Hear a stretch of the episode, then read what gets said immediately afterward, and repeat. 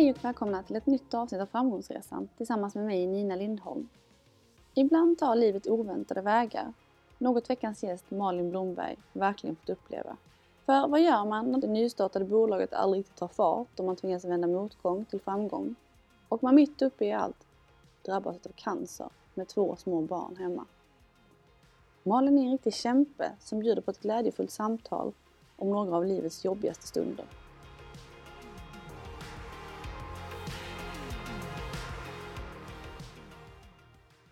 Hej och välkommen Malin! Tack! Superkul att ha dig här. Ja, det känns jättespännande. Eller jag kanske ska säga att det är kul att vara här för att vi sitter faktiskt uppe i Dalarna idag och spelar in. Ja, precis. Välkommen till Dalarna. Tack! Du har blivit beskriven som en idérik drömmare som ständigt lägger nya järn i elden. Är det så du ser dig själv? Ja, en drömmare har nog alltid varit. Mm. Eh, just att våga drömma och inte begränsa sig. Så det håller jag med om. Eh, och mycket järn i elden, ja, det skulle jag nog också säga. Så det stämmer nog kanske ganska bra. Mm. Och för de som inte känner dig, kan du berätta vem du är och vad du gör? Eh, jag heter Malin Blomberg och är en 35-årig tjej härifrån Dalarna, Borlänge. Jag bor här tillsammans med min dotter Tyra som jag har från ett tidigare förhållande, varannan vecka. Och sen med min sambo och eh, våran dotter Vera som är ett och ett halvt år. Eh, Och jag jobbar som egenföretagare och har gjort det sedan 2008. Och vad är det du jobbar inom? Eh, idag, jag har jobbat som olika grejer som egen, men eh, idag jobbar jag med olika former av event. Mm. Mycket föreläsningar är det. Ja, för att jag läste någonstans att du tycker det är viktigt att få hit eh, intressanta talare till Borlänge och Dalarna. Varför känner du att det är viktigt att berika just trakten med det?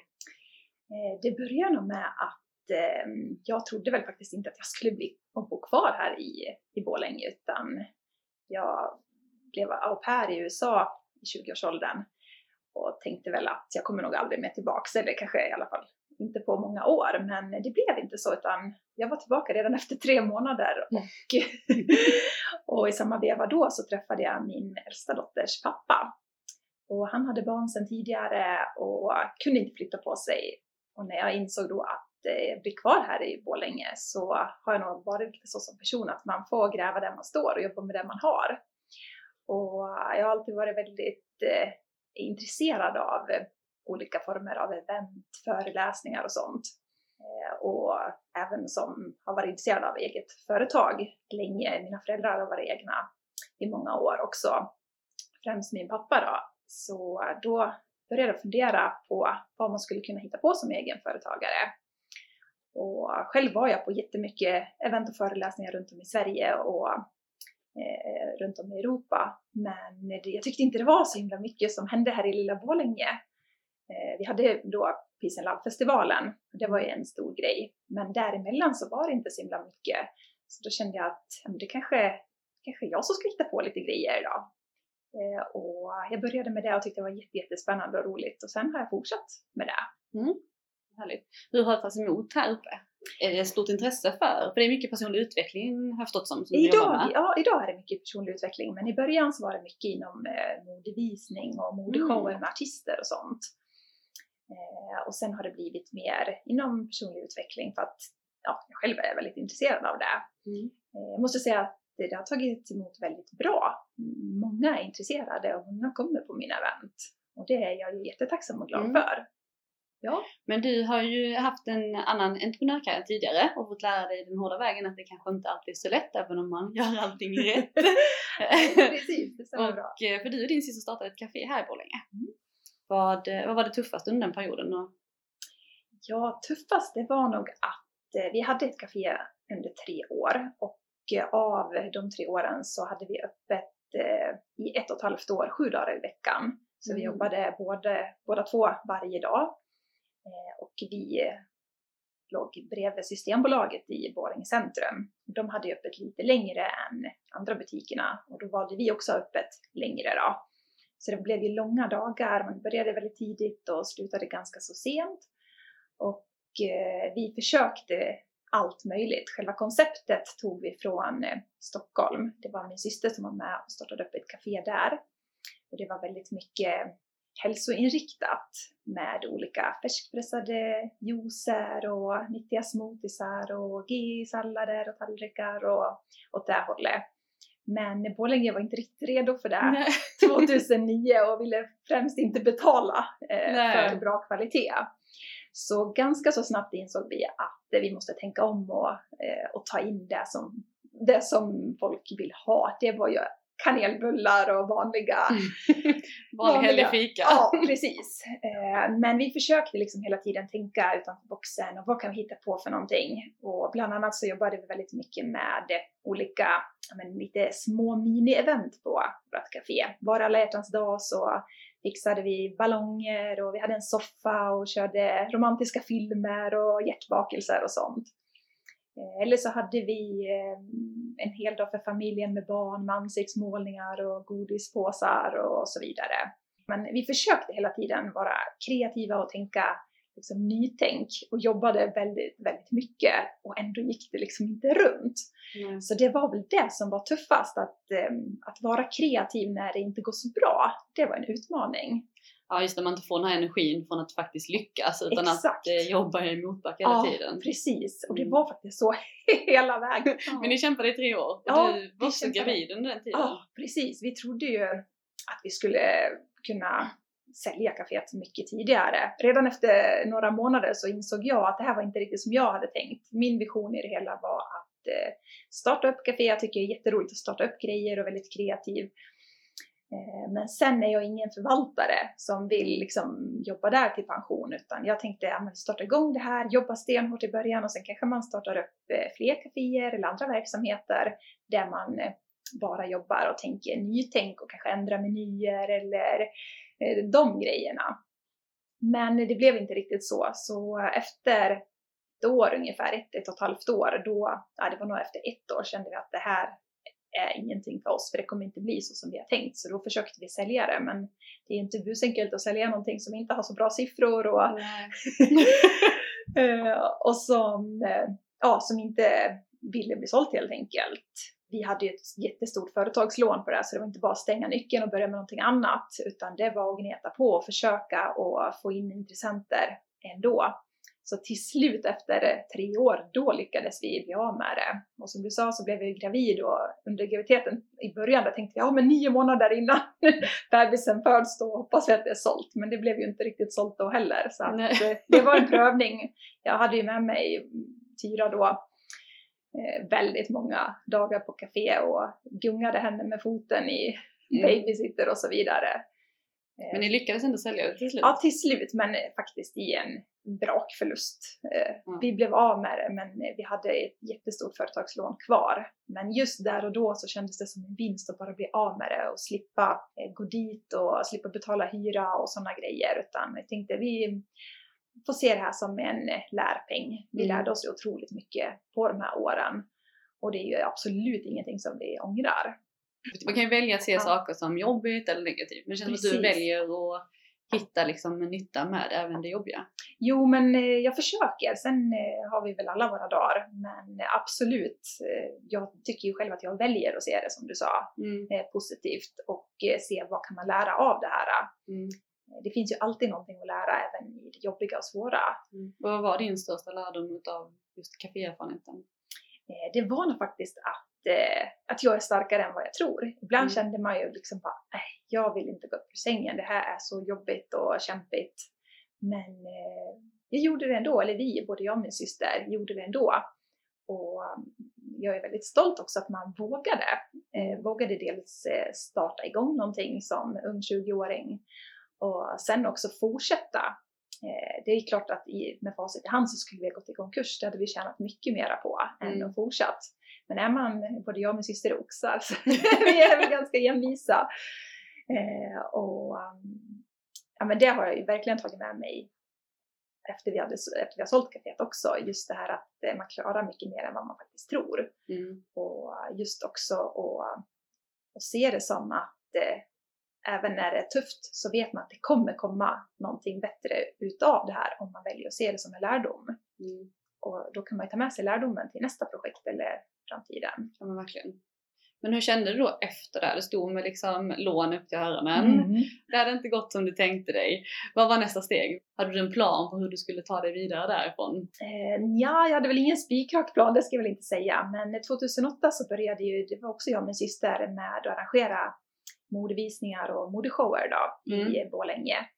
Och eh, de tyckte vi båda två var jätteroligt. Eh, det var en jätterolig erfarenhet. Men gjorde ni detta under Teams då? Mm. Ja, eh, vi körde första modeshowen eh, 2008 och andra modeshowen 2009 och en däremellan när vi hade startat igång kaféet också då.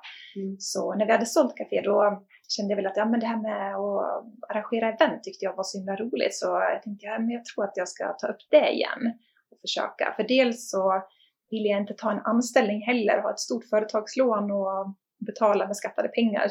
Det var inte heller så lockande. Nej. Sen, För det hade kanske varit, de många kanske hade tänkt det, nej men nu skaffar jag någonting tryggt, stabilt och bara betar av det här Ja. och får det avklarat. Ja, jo precis. Min syster gjorde så, så Ja. jag valde att fortsätta själv sen då. Eh, men det är ju ingenting som jag ångrar, för kan ju också säga de första eventen som vi gjorde, det var ju också brakförluster på båda Mm. två. Och re- redan där så skulle väl kanske många gett upp. Men jag såg det som att jag hade lärt mig så himla mycket på de här eh, eventen och tänkte att ja, men eh, nu när jag har den erfarenheten jag har så hoppas jag och tror på att det, det kommer gå åt ett annat håll. Eh, Mm. Och det gjorde det, så efter det så har jag inte backat på något event utan det har varit i alla fall plus på alla. Så Mm. det känns ju jätteskönt. Mm. Och som jag sa så gillar jag att starta upp grejer och det är väl därför också eventen är extra roliga tycker jag själv.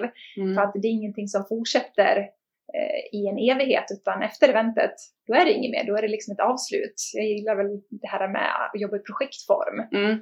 Och du har ju familj också. Ja, Hur funkar det att vara ung, driven kvinna? För det var du ju när du började ja. och fick ditt första barn, då var du Mm. inte så gammal. nej, Och hur har det funkat sen liksom? Eh, ja, men det är ju både och. Det är för och nackdelar med allting. Eh, jag har väl inte direkt kunnat eh, vabba, i alla fall inte med så mycket betalt om man säger så. Och eh, min yngsta dotter Tyra har varit med på väldigt mycket. Allt ifrån, som jag sa, eller min, yngsta, min äldsta dotter Tyra, eh, från eh, att vi hade café och sen har hon varit med på alla event. Eh, jag har haft henne på armen och mycket kundbesök och hon har suttit med på föreläsningar. Hon har väl vuxit upp med en mamma som älskar sitt jobb också och kunna se det. Mm. Så ja, både och. Jag tycker att det här funkar ganska bra. Du ångrar inte att du har valt eh, en lite annorlunda väg kanske? Så. Nej, gud absolut inte. Det gör jag inte alls. Sen är alla barn olika och det har jag verkligen fått eh, erfarenhet av nu Mm. när, jag, när vi har fått ett till barn. Eh, det är inte, har inte alls varit samma möjlighet att ta med henne. Hon hade kolika första halvåret. gud, ja. Ja. Och det skulle inte funka. Vara med en, ett kolikbarn på möten och så vidare. Då. Nej. Så med första så funkar det jättebra, men med andra har det inte funkat lika bra.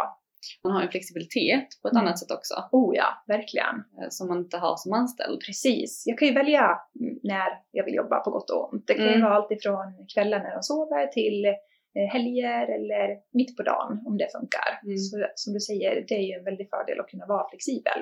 Mm. Men sen mitt upp allt detta, du har två barn, karriär eh, och så drabbas du av cancer. Ja, Vad, visst. vad var dina tankar där? Ja, jag var ju, jag är väl for, fortfarande lite i chock. Mm, för du är ju fortfarande under behandling. Ja, Ja. oh Det är ja. ganska nyligen du fick beskedet. Ja, i februari, mm. början på februari där. Eh, Jag trodde ju aldrig att det skulle hända mig. Utan, När ser man dig så är det så här stark, ung, eh, frisk tjej. Man tänker ju inte full av energi. Jag har ju följt dig i sociala medier länge just för Mm. att du är så, sån inspiratör och glädjespridare. Eh, Och också då fått följa liksom det här när du fått ditt cancerbesked. Mm. Och man tänker, det så säga, man tänker inte att det, det händer dig. Nej, ja, tack för de orden. Nej, det gör jag. Jag har ju sett mig själv som en väldigt frisk och hälsosam person Mm. Och gör det fortfarande, så det är också väldigt svårt att ta in. Det är ju kanske skillnad om man har varit sjuk eller haft mycket problem Mm. med sin hälsa. Eh, Att då blir man inte lika förvånad eller förskräckt. Eller... Nej. Nej, för det kom som en chock för dig. Det var Ja, ingenting du oh ja. misstänkte. Nej, absolut inte. Eh, Jag, det var i höstas som jag trodde att jag fick tillbaka min mens Mm. efter graviditet och amning så. Men eh, det visade sig att jag fick så mycket blödningar hela tiden. Så jag hörde av mig till min barnmorska och sa det, det är ju väldigt vanligt. Så Mm. det var ju ingenting att oroa sig för egentligen. Men eh, jag fick inte stopp på dem så kring jul så eh, hörde jag mig igen. Hon sa att jag skulle återkomma om det fortsatte. Och då sa hon det, men det, vi kanske ska boka in en undersökning då. Så då i början på året, det här året, så gjorde vi en undersökning och då sa hon att min livmoderhals såg, min, min livmoderhalstapp såg väldigt porös och konstig ut. Men att det kunde ju också vara vanligt, det hände mycket med kroppen under mm. en graviditet och förlossning. Så jag oroade mig inte alls för det, utan hon sa att ja, men jag bokar in dig till en läkare och så kan de säkert göra en frysning av tappen mm. för att få stopp på eh, blödningen. Så. så frågade hon om jag inte ville göra ett cellprov när jag ändå var där.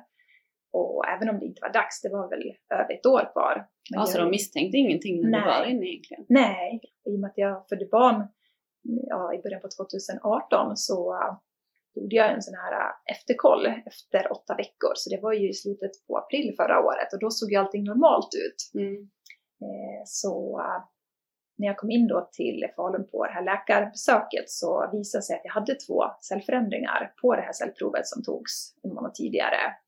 Okay. Och det var ju först då de eh, gjorde en riktig undersökning av en läkare som, som var erfaren att titta efter men när du fick beskedet att du hade cellförändringar, mm. trodde du då att det skulle vara att nej. du hade Nej, nej gud absolut inte. Min syster har haft cellförändringar från och till i flera år som försvann.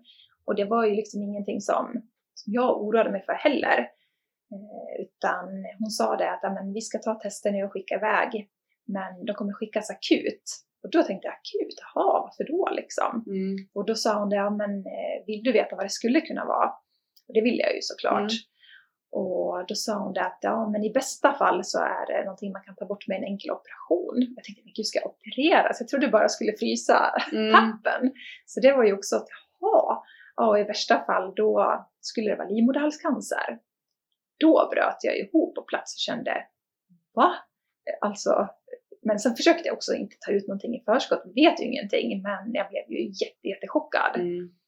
Och sen då var ju den där veckan där och vänta, det var ju bland det absolut värsta. Ja. Det var nästan värre än själva beskedet. Det var så svårt att hålla fokus. Jag höll på att planera, var mitt uppe i ett stort event. I början på maj så var ju det planerat och jag har aldrig avbokat någonting tidigare. Mm. Så det började ju när jag satt där inne då i Falun så började det snurra massa tankar i huvudet liksom kring eventet. Inte kring att jag kanske liksom var sjuk eller att jag skulle få något sånt besked. Förutom när jag ju sa det, då blev det ju en chock. Men det var ju de tankarna mest som snurrade runt och hur gör jag nu? Och, så den veckan att vänta på beskedet, det var så jobbigt att kunna fokusera på något. Mm. Det var mm. så splittrad energi hela tiden. Både försöka tänka positivt att jag har ju inget besked här och nu utan fokusera på jobbet mm. och samtidigt ah, de här tankarna som kommer. Och... Det går inte bara att tränga bort det. Nej, liksom, det gör ju inte, det. Nej, precis. Så den veckan, det var jobbigast hittills faktiskt. Mm. Och sen fick du beskedet? Ja. ja. Och vad, alltså, hur är det när man, då har du två små barn ja. och en familj. Ja. Man, ja. Vad tänker man? Jag satt faktiskt och jobbade då på eh, Wayne's Coffee här i Borlänge och hade begärt att få samtalet, på, eller beskedet oavsett på telefon, för jag ville ha det så fort som möjligt för att slippa ta ytterligare ett möte, att det skulle gå ännu längre tid. Så jag fick det en fredag eftermiddag på telefon och ja, jag plockade ihop grejerna väldigt snabbt där. Eh, satte mig i bilen och då kom ju tårarna självklart och mm. eh, jag bara, åh men det är inte sant liksom. Så jag körde hem, parkerade bilen och så möter jag en där som börjar fråga hur, hur, hur det var och du vet då var det ju jättesvårt att försöka bita mm. ihop innan man bara kunde stänga dörren. Eh, så att när jag kom in i hallen så undrade min sambo vad jag gjorde hemma så tidigt eh, och då bröt vi ihop båda två när jag berättade liksom och kände att nej, alltså vad hände det här Det är inget besked att få som, som man Nej, oh nej, absolut inte. Så det var, ja, det, var, det kändes overkligt och som att det, att det inte var mig det handlade om och samtidigt så var det ju. Mm. Sen du är också aktiv i dina sociala kanaler och har mm. en hel del följare som mm. hade följt dig även innan mm. själva beskedet. Mm. Så jag vet om att du, du spelade in ja. eh, en story ja. när du fick beskedet i ja. bilen. Som du sen postade någon dagar senare. Ja, precis. Eh, jag har ju varit... Har det varit jobbigt att ha haft liksom en hel följarskara som någonstans också har väntat på det här beskedet liksom och Ja. vågat och... Ja, precis. Jo, men både och. Jag tycker ju att... Eh, eh, ja, men för mig så är det inte så svårt att dela med mig av både positiva saker som händer i mitt liv och eh, även negativa. Mm. Jag ser det som så att alla går vi igenom svårigheter.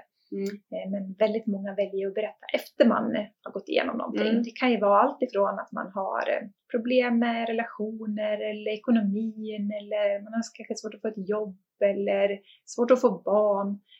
Och sen när man kanske har blivit gravid till exempel, då väljer man att berätta om kanske alla missfall eller svårigheter. Det är en liten, man skäms lite för att Ja. vara mitt uppe i det. Och, Precis. Och jag är väl lite så att jag kanske, jag tror nog att jag inte riktigt identifierar mig med mina problem eller utmaningar som jag är i, utan ser det som att eh, i och med att jag orkar dela med mig så Mm. får jag ju också feedback på det. Att, åh, att många tycker att det känns så skönt att höra att man inte är ensam. mm. Eh, och, och sen får jag ju också väldigt mycket tips och råd och hjälp. Mm. Eh, Så att eh, för mig har det varit, jag ser det absolut mest som positivt att vara öppen med det. Och som Mm. du säger så är det klart att det var ju jätte, jättemånga som hörde av sig var och varannan timme och frågade om jag hade fått något besked. Ja. Och jag gick ju som på nålar själv och Är det jobbigt att få den påminnelsen hela Ja, tiden om man har lyckats så här, tryck, trycka undan det lite Exakt. och så bara, ah, precis Ja. så var det ju. Ja, men du är en person som inte har varit rädd för att gå din egen väg. Nej, Och eh, när du fick det här beskedet så tog du ett ganska stort beslut och det var att avböja traditionell vård. Mm. Och eh, har istället valt att behandla dig alternativt Mm. nere i Tyskland. mm. Hur kom du till det beslutet och var det, var det självklart?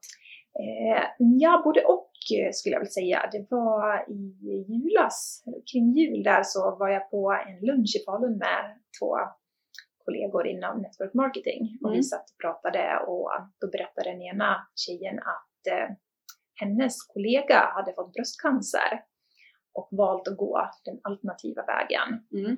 Jag blev väldigt nyfiken och Är det det man kallar det alternativ? Eller vad? Ja, det är Ja. väl lite så. Precis, den traditionella är ju inom svensk sjukvård Ja. så. Men Var det strålning som var alternativet då eller var det Eh, operation? För henne? Eller om det. man skulle- Ja, om du skulle ja, jag det skulle traditionella. Ja, eh, jag hade ju inte så mycket alternativ i, här. Det var inte så att jag kunde välja för att eh, när jag fick mitt besked så sa de först att eh, min tumör var på gränsen till att kunna opereras. Mm. okej. Eh, den måste vara under 4 centimeter. Mm. för att kunna göra en lyckad operation då. Men eh, min låg på 3,8 trodde de då. Antingen så växte den i rekordfart eller så har de väl ja, sett fel eller vad man nu ska säga, för den Mm. var nästan 6 centimeter. Mm. Så det var inte aktuellt med någon eh, operation för då finns det för stor risk att man skär fel i tumören, att, Mm. det, att den sprider sig då. Så att, Okej. men eh, på den här lunchen då, när vi var i julas, så den här tjejen som hade fått bröstcancer hade valt att gå den alternativa vägen. Och jag hade ju ingen aning om att det här kanske skulle drabba mig, utan jag var bara intresserad och tyckte att hon var så himla modig och, och sa där då att men gud, så skulle nog jag också ha gjort. Mm. Och tänkte att eh, ja, men jag är så intresserad av hälsa och eh, tyckte att ja, men vad spännande och intressant. Sen kan jag säga när jag själv fick mitt besked så var det inte alls lika självklart. Utan Nej, det är det är lätt att enkelt säga- att säga Ja. när man sitter där. precis, när det gäller någon annan. Mm.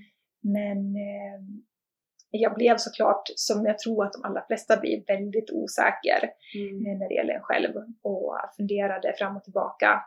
Speciellt när man har familj och så tänker Ja. jag. Det måste ju också Oh ja, bidra väldigt mycket i absolut. hur man tänker. Ja, ja, ja, såklart. Och när jag var i, på en liten större utredning sen i fyra dagar i Örebro så ville de ju att eh, jag skulle bokas in för strålning och cellgifter. En Mm. intensiv period på sex veckor då, inlagd. Mm. Och de ville att jag skulle starta igång med den liksom omedelbums. Och jag kände bara, men jag har inte ens bestämt mig än hur jag vill göra så jag måste få betänketid. Mm. bad om att få åka hem i lugn och ro, ta en vecka och sen meddela om jag skulle komma in då och göra den eh, behandlingen. Men då kände jag när jag kom hem att nej, min magkänsla redan i julas där när det gällde den andra tjejens bröstcancer var rätt. Jag tycker att, eh, ja men att det är en väg som jag också vill gå. Mm. Och hur ställer sig din familj eller man framförallt Mm. kanske där till det? Mm. Eh, ja, men han är ju jättestöttande eh, och absolut, han är med mig till 100% i det här. Vi Mm. är ju verkligen två om det. Det är ju inte Mm. bara mitt beslut. Nej, för det är ju så. Är, han måste ju också Ja. tycka att det är ett läskigt Oh, ja. beslut att ta på Ja, något sätt. Eh, Absolut. Eh, Om det hade drabbat honom själv vet jag inte vilket beslut han hade tagit. Nej. Men eh, han känner mig och också, jag är som du sa, inte så rädd för vad andra ska tycka och tänka. Folk tänker och tycker ändå. Mm. Och Nej, hur har det varit eh, med tanke på din öppenhet? Eh, vad har folk haft för åsikter om, att, om ditt val? Om man säger så. ja, det har det är ju ditt val. Ja, precis.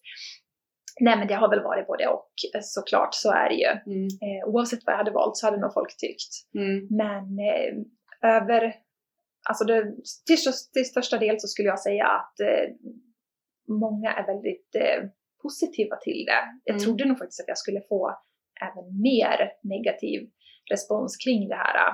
Det har jag fått absolut och det är jättemånga som har hört av sig också och varit eh, väldigt skeptiska och arga och liksom besvikna och skrivit och ringt och Även folk som inte känner Ja, dig? oh ja! Ja. Jättemånga som inte känner mig. Ja, de tycker ändå att de har rätten. Ja, de har blivit så Ja. upprörda över det här och jag kommer dö och att jag skadar min familj och de kommer växa Mm. upp utan mamma och Men hur tar man det? Alltså, man, du sitter ju redan i en väldigt jobbig situation. Ja, Ska man precis. handskas med främmande människors åsikter? ja, Hur gör du det? eh, ja, men jag tror nog att eh, jag har haft väldigt stor nytta av att jag jobbar med personlig utveckling. Mm. Eh, just det här kring hur man tänker. Många blir nog, när jag berättar vissa saker som folk säger till min familj, de tänker men gud, hur kan du hantera det där? Mm. Men det är inte så att jag bara rycker på axlarna åt allt, så är det ju inte, jag är människa också. Ja. Men det mesta ser jag faktiskt som att eh, det är ju mitt beslut. Jag är liksom stärkt i att det här vill jag själv. Mm. Och vad andra tycker, det är ju deras tyckande. Och eh, så länge det gäller min kropp och min familj är med på det här så känner jag mig stärkt i det. Och jag vet att hade jag inte valt den här vägen som känns rätt i magen för mig så hade jag ångrat mig. Mm. Oavsett vad som kommer hända. Jag har ju sagt nej just nu till sjukvården i Sverige och den finns kvar och jag är alltid välkommen tillbaka. Mm. Och det känns ju tryggt också att eh, jag inte stängt den dörren liksom helt.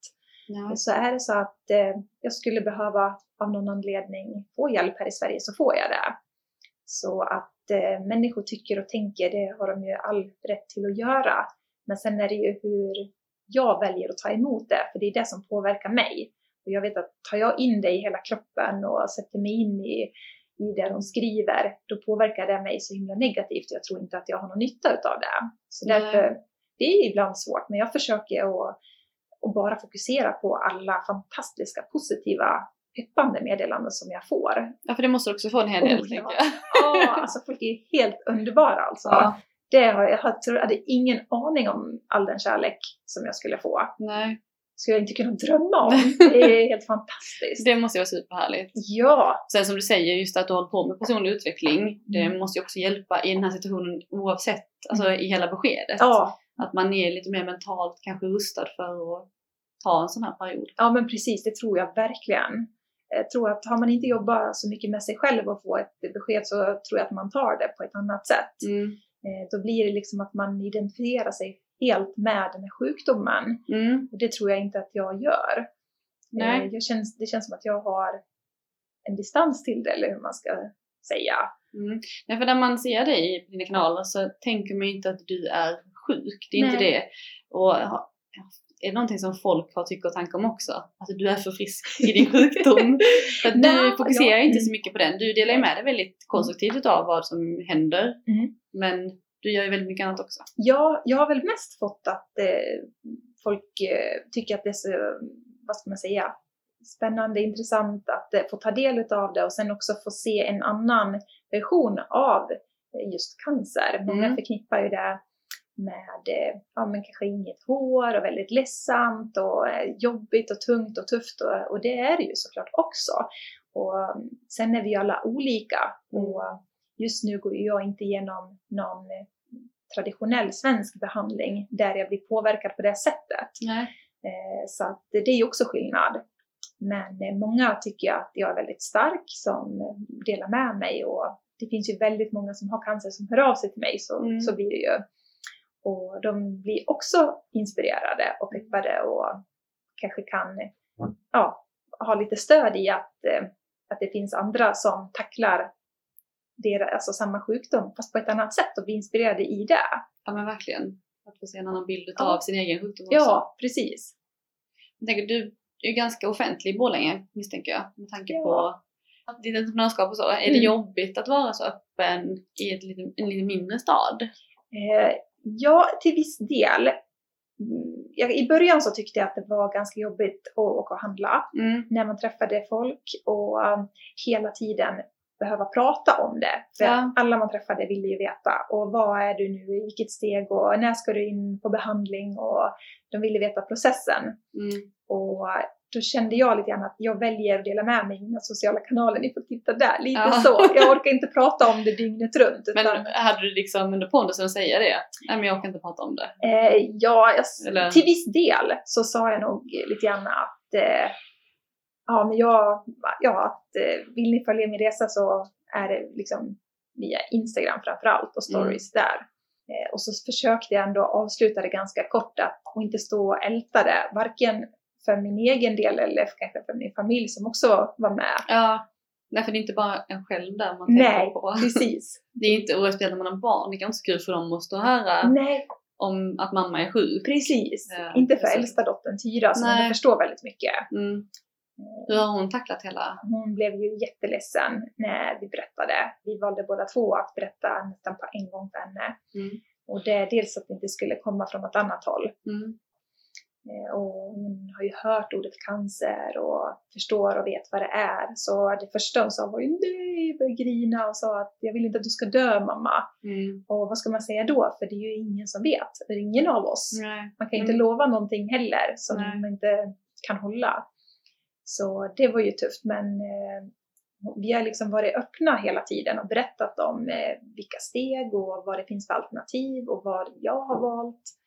Och, så jag tror att när hon får vara med på processen ändå och känna sig Mm. delaktig så tror jag, eller jag har uppfattat det i alla fall, att eh, då tycker hon att det är lättare än om man skulle liksom hålla henne utanför. Många kanske gör det för att man vill vara snäll mot sina barn men de förstår ju så mycket ändå. De så gör ju då det. blir de ju bara liksom, hållda i skymundan och inte känna att de Precis. får veta saker. Exakt. Då lever fantasin istället. Ja, Och den är mycket större. Ja, och så är det verkligen. Ja. Nu har du valt den alternativa vägen Mm. Och du behandlas i Tyskland. Mm. Vad innebär det? Eh, Ja, det, det är jag ju också så tacksam för via sociala medier. För eh, den här eh, kliniken i Tyskland har jag fått kontakt med tack vare sociala medier. Först så började jag ju med en alternativ väg här i Sverige i Mm. fyra månader. Och jag fick inte stopp på tumören utan den växte på varje röntgen. Det Mm. blir också jag har ju försökt att inte vara liksom orolig och stressad i det för att jag tror att det påverkar negativt. Men sen är ju det inte jättelätt. Nej, det Absolut måste vara inte. jättestress att få det men det är beskedet. ju det. Att, eh, Och helst när man tycker att man gör allt. mm, Men eh, jag fick i alla fall kontakt med en kvinna då i Tyskland och var ner och gjorde mätningar för åtta veckor sedan. mm, Och då fick jag göra, vad ska man säga, flera olika tester, andra typer av tester än som görs här i Sverige. Eh, Vissa tester hade jag med mig, blodtester och sånt från Sverige ner till Tyskland. Och så gjorde hon andra mätningar där och det visade sig att eh, hon jämförde med som att jag var som en eh, papperskorg full i skräp. Allt ifrån alla kosttillskott man kan tänka sig. Vi Ja. hade ju som ett apotek hemma. Eh, Jag var med på intervjuer då i Aftonbladet och Expressen och blev faktiskt nerringd efter det. Mm. Folk hade så mycket tips och idéer vad jag skulle äta och inte äta och tipsade om allt möjligt. Och jag var väl lite där att eh, jag tog alla tips till mig och tänkte jag testar väl, jag testar väl, jag testar väl. Så det var ju så mycket grejer som jag åt i kosttillskottväg. ja. Så när jag kom ner då till Tyskland och hon säger att jag är som en papperskorg full i skräp och du bara trycker på ännu mer grejer. Så förstod jag ändå att, eh, ja, hur hon tänkte. Att du Mm. måste börja med att få bort allt skräp innan du kan trycka på med Mm. någonting som kan hjälpa. Så jag under den här eh, perioden nu då, jag gjorde mätningar där men sen är det ju själva jobbet eller vad man ska kalla det gör man ju själv. Mm. Och hon eh, jobbar liksom och ser, så som jag också gör mer holistiskt, som en helhet. Det är inte bara att man tittar på själva tumören utan på livet. Mm. Allt ifrån balans mellan relationer och eh, det är i våran familj och inte bara vara mamma utan eh, få tid för sig själv. Jag behövde börja träna. Det trodde jag ju aldrig jag skulle orka för jag var så trött. Mm. Jag tänkte, men gud, hur ska jag få in träningen också? Men det var jätteviktigt. Dels att kunna få rensa huvudet lite och ta i och träna på det sättet. Men också få hjälp att få slaggprodukter ur kroppen i och med att jag var full i skräp. Mm. Och sen var det ju en kostomläggning helt då från det jag hade gjort tidigare. Då tyckte jag att jag hade ändrat jättemycket då. Ja, för det har man ju sett att du lever ganska strikt. Ja, jag Ja. gör ju det. Jag gör ju som jag blivit tillsagd nu då. På ett vis så känns det så himla skönt att inte bara köpa det alla tycker och har tips om. Mm. Utan det här är en som jobbar med det här professionellt och vet exakt vad jag behöver. Mm. Så jag äter klockan 12, det är första målet på dagen. Mm. Och sen äter jag klockan 6. Så jag äter ingen frukost och inget mellanmål och sånt. Det var så tufft. Det är jätte, jättetufft är det. Ja. Det ska jag säga, absolut. Och sen är det också vad jag får äta och inte äta. Mm. Eh, Jag äter väldigt lite kolhydrater, så max 20 gram per dag. Mm. Och jag har aldrig räknat kolhydrater i hela mitt liv, så jag visste ju inte ens vad det var i någonting. Så Nej. det var ju mycket att sätta sig in i där i början. Och tittade man upp till exempel vad en banan innehåller så det är över 20 kolhydrater i en banan. Så då skulle jag ju få äta Ja. en banan på en hel dag. så det valde jag inte, utan det var ju att titta då, vad är det som innehåller lite kolhydrater? Mm. Det var ju till exempel ägg och räkor och fisk. Mm. Det är det jag kan äta. Och sen eh, en del grönsaker. Mycket bladgrönsaker och lite ja, gurka och paprika och, och så. Så det är väldigt strikt och det är absolut ingen form av socker i form av varken frukt eller bär eller tillsatser, tillsatser i socker. Någon, nå- ingenting sånt. Och inget kyckling och inget kött och inget mjölkprotein, alltså ingenting. Inget ost och crème fraîche eller grädde eller mjölk. Det blir inte mycket kvar. Och har det funkat bra ändå? Alltså, Ja. Nu har ju du väldigt tydligt mål med varför du gör så ja. Jag, jag tror ju absolut att det hade varit svårare annars. Mm. Om man inte hade något mål med det hela som du säger. Mm. Utan jag vet ju varför jag gör det här. Finns det en, en begränsad tidsperiod du ska göra detta? Eller det Eh. Först och främst var det ju då, då de här åtta veckorna nu som har precis gått. Eh, och under tiden så dricker jag också en eh, framtagen detoxvätska som är ut, ja, anpassad för just mig då. Mm. Som jag har fått eh, av, eller beställt genom Tyskland då. Så den eh, dricker jag, det har jag med mig här. Mm. En- en stor ja. eh, flaska. Ja, så jag dricker en liter om dagen och det hjälper också till att städa ur kroppen då. Sen måste vi ändå säga också att du har ju fått ett väldigt positivt besked. Ja, Och det är det som känns så himla, Ja. roligt. Du har ju lyckats stoppa Ja. växten på din tumör. Ja, och det känns ju helt fantastiskt. Det Jag måste ha blir- varit helt magiskt att få Ja, det det var beskedet. verkligen helt underbart. Det är ju det som har varit hela tiden. Eh, vad jag har förstått så är det ju först när man lyckas stoppa Mm. själva tumörtillväxten som det inte blir farligt på samma sätt. Mm. Utan när den hela tiden växer så finns det också så mycket risker. Den växer in i andra organ och spridning och sådana grejer. Ja. Och få stopp på den är ju första steget. Sen är ju nästa steg såklart att få den att börja minska, självklart. Men första steget var ju att få stopp på den och det fick jag ju ganska nyligen besked Mm. om. Så det känns ju jätteroligt. Och nu ska jag ju alldeles snart på att göra nya mätningar då. Mm. Och då kommer jag ju få en ny behandlingsplan. Okej, så Så nu det- anpassar man efter nästa steg då? Precis, precis. Så nu har jag ju, jag har ju inte gjort den än, men förhoppningsvis har jag ju städat ur kroppen. Och sen kommer jag få andra eh, ja, restriktioner och det är ju en del av naturmedicin som jag kommer få, vet jag Mm. redan idag. Men eh, det blir ju jättespännande Mm. att gå in i nästa period nu och se vad det kommer. Ja, Då får man väl se det liksom Ja. på något sätt om man ska ta sig igenom Ja. hela grejen. ja precis. Och nu så är det ju positivt. Då Ja, får det vara positivt. Exakt. Ja, Eh, absolut. Sen kan jag säga också att det är ju riktigt tufft emellanåt Mm. mentalt. Det är ju alltifrån, jag är ju, älskar ju till exempel att ta ett glas vin eller en eh, kall öl. Det är ju så mycket kring, eh, kring mat och dryck. Men det, det är ju en helt annan typ av planering i och med att jag kan inte äta ute på så mycket ställen. Nej. Så det är en, jättemycket med planering. Bara man vi var till Leksands sommarland här för någon dag sedan och då måste jag stå tidigt, tidigt på morgonen och förbereda lunch och sen när man kommer hem så måste ju nästan middagen vara klar då. Ja, då är det plötsligt skönt att det bara är två mål du ska ha i dig. Ja men faktiskt. Om man ska vara positiv ja, till det exakt. liksom. Ja. Så.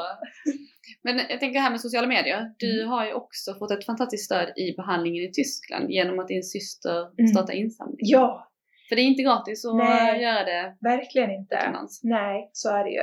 Kan du berätta om Ja, den? det var i Örebro faktiskt när läkarna sa där att eh, du kommer inte fixa det och bli frisk på annat sätt än genom svensk traditionell behandling Mm. här. Och så är det väl lite. De, ja, de vill ju liksom erbjuda det som finns och Mm. det förstår jag också. Och det är klart att man blir lite skrämd och jag tittade på vad det skulle kosta alternativt. Det finns ju inte så mycket alternativt i Sverige. Nej. Och jag ringde, eller min syster som ringde och berättade om vad jag hade fått för besked där och att det, då var det mest att jag inte skulle kunna opereras utan att, eh, för det i början så var jag ändå positivt inställd till det, att ja, men en operation kanske jag skulle kunna tänka mig. Mm. Men då när jag var i Örebro så fick jag beskedet att den var mycket större än vad de trodde från början och att det är bara strålning och cellgifter som gäller. Och det ville inte jag. Nej. Och då sa hon det, men vad vill du? Ja, men jag vet ju att jag vill testa utomlands och se vad det kan ge. Men att det är ju så fruktansvärt dyrt. Och då sa hon det att, eh, ja det var ju väldigt känslosamt eh, för min del att, men gud att det ska liksom hänga på ekonomin. Mm. Men då sa hon det, men jag hjälper dig. Och jag tänkte, ja, vad ska du göra då? då? jag drar igång en insamling. Och då blev jag ju också så himla berörd av att hon eh, ville göra en Ja. sån grej för mig. Och jag trodde ju inte att eh, i princip någon skulle vilja ställa upp på en sån här grej just för att eh, Ja men eh, just för att det gäller, det är en sak kanske om det gäller ett barn eller det finns ingenting mer att göra i Sverige. Mm. Då är det en helt annan grej, så såg jag på det då. Ja, för det här är ju ett eget val Ja. någonstans du har tagit liksom. Precis. Så jag tänkte att ja, men det var jätte, jättegulligt omtänksamt, bara tanken Mm. av min syster där tänkte jag. Men eh, jag trodde ju inte att det skulle bli så mycket Nej. som det blev. Och det är ju det som har gjort att jag har kunnat åkt. Mm. Eh, så jag är ju enormt tacksam för det och för det stödet. Mm. Och att det är så himla många som ändå vill stötta en, som du säger, i ett val som jag har gjort. Ja. ja, men det är ju fantastiskt Ja. eh, att få det. Oh ja, Du är ju faktiskt mitt uppe i karriär, alltså det är inte, man kan inte bara pausa allting. nej, det är ju svårt. Hur funkar det tillsammans? jag fick en väldigt stor blödning så jag blev inlagd i Falun för några veckor sedan. Och eh, i samband med den så eh, var det väldigt mycket tankar kring mitt event som jag har flyttat fram. Mm. Just i våras, där, eller tidigt i februari, där jag fick beskedet och skulle ha eventet och under våren så valde jag bara att skjuta fram. Men då i samband med den här blödningen så blev det väldigt mycket tankar kring att eh, hur sjutton ska jag göra med eventet? Eh, Det börjar ju ändå dra ihop sig. Jag måste ju jobba inför det. Och då hörde jag av mig till Annika och nu har jag bestämt mig för att avboka det eventet helt. Bara fokusera på att bli frisk. Det finns. Eh, Och sen får vi se vad som händer den dagen jag är frisk. Mm. Men just, jag vet ju hur jag är som person. Jag vill ju göra mitt absolut bästa för alla som kommer på eventen och för alla samarbetspartner runt omkring Mm. det tror jag inte att jag kan göra när jag har så fullt upp med mig själv. Jag har ju fått eh, en sjukskrivning också till sista oktober och efter det så får vi ju se. Eh, och sen eh, får vi se, jag ska ju röntgas i höst igen då, Mm.